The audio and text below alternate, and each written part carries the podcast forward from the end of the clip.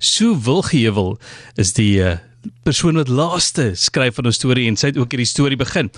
Kom ek lees hom vir jou. Handy maak die laaste hek van die plaas toe. Nog net 'n entjie dan is sy by die hoofpad.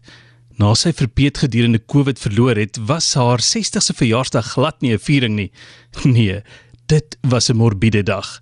Sy kyk af na haar rooi vellies wat verbleik vertoon teen die nuwe jean wat sy aan het. Die stof op haar vellies is so ietsie van die plaas wat sy saam met haar kan vat. Sy maak die deur van die dubbelkajuit bakkie oop, hop agter die stuurwiel in. Haar blik val op die triespeeltjie. Haar groen oë vertoon groot in haar vermaarde en effens te geplooide gesig. Amanda se hande het haar grys podiestert in 'n moderne kort kapsel omgetower. "Hier kom ek, plooie en al," dink sy hardop. Sonder dat sy dit besef, verrys sy al vinniger en skrik haar lam toe die bakkie op die losgroei grys begin gly.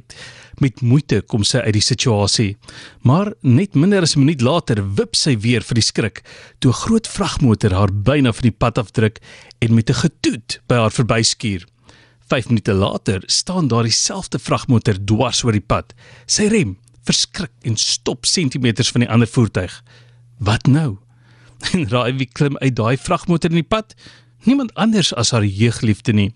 Sy steek haar hand uit om te groet, maar skielik trek hy haar nader en gee haar 'n stywe drukkie. Sy hoor haar hart klop in haar keel en sê vir haarself: "Hanlie, ruk jou reg. Jy is nie meer 'n bakvisie nie." Hanlie byt op haar onderlip en besef sy sal hierdie ongemaklike situasie tussen hulle vinnig in 'n ander rigting moet stuur. Sy vra: "Het jy seer gekry?" Ek dink ek's okay, net my kop hard in die stuurwiel gekap.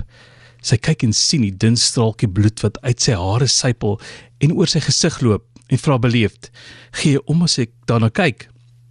Skielik is hulle gesigte gevaarlik na mekaar en weer moet sy haarself vra: "Hanlie, wat gaan met jou aan?"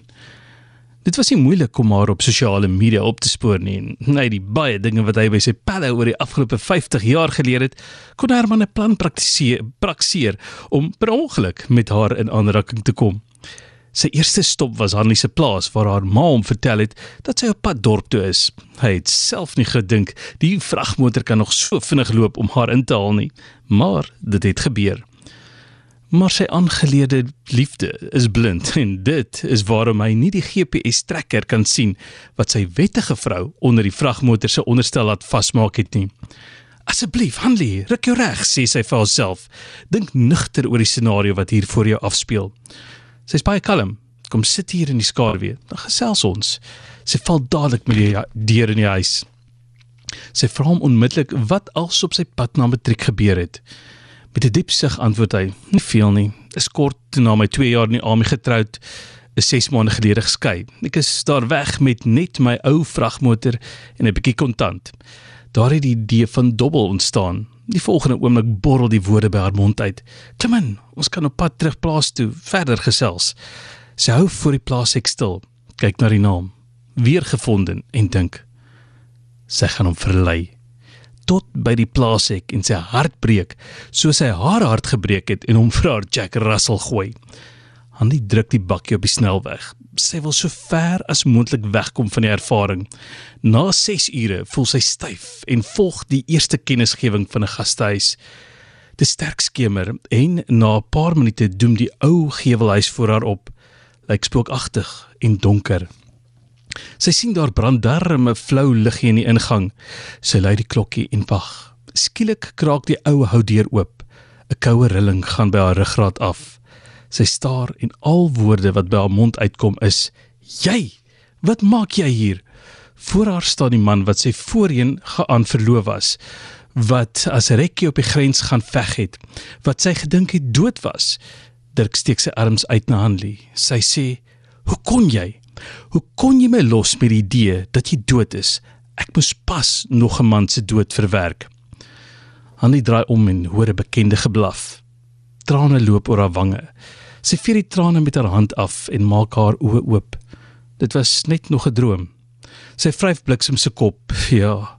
Sy mispeet. Dit is seker hoekom sy sulke drome het. Sy strek haar arm uit en trek haar rolstoel nader.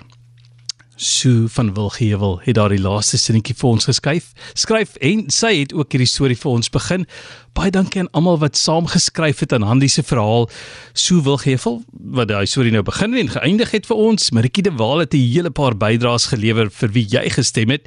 En deur die pad het ons ook vir Ernie Millet van die hoof uh, die hoof raadgewer van die Amateurskrywersbond is gevra vir eendag se drie opsies. Ek hoop jy het lekker geluister na Handy se avontuur.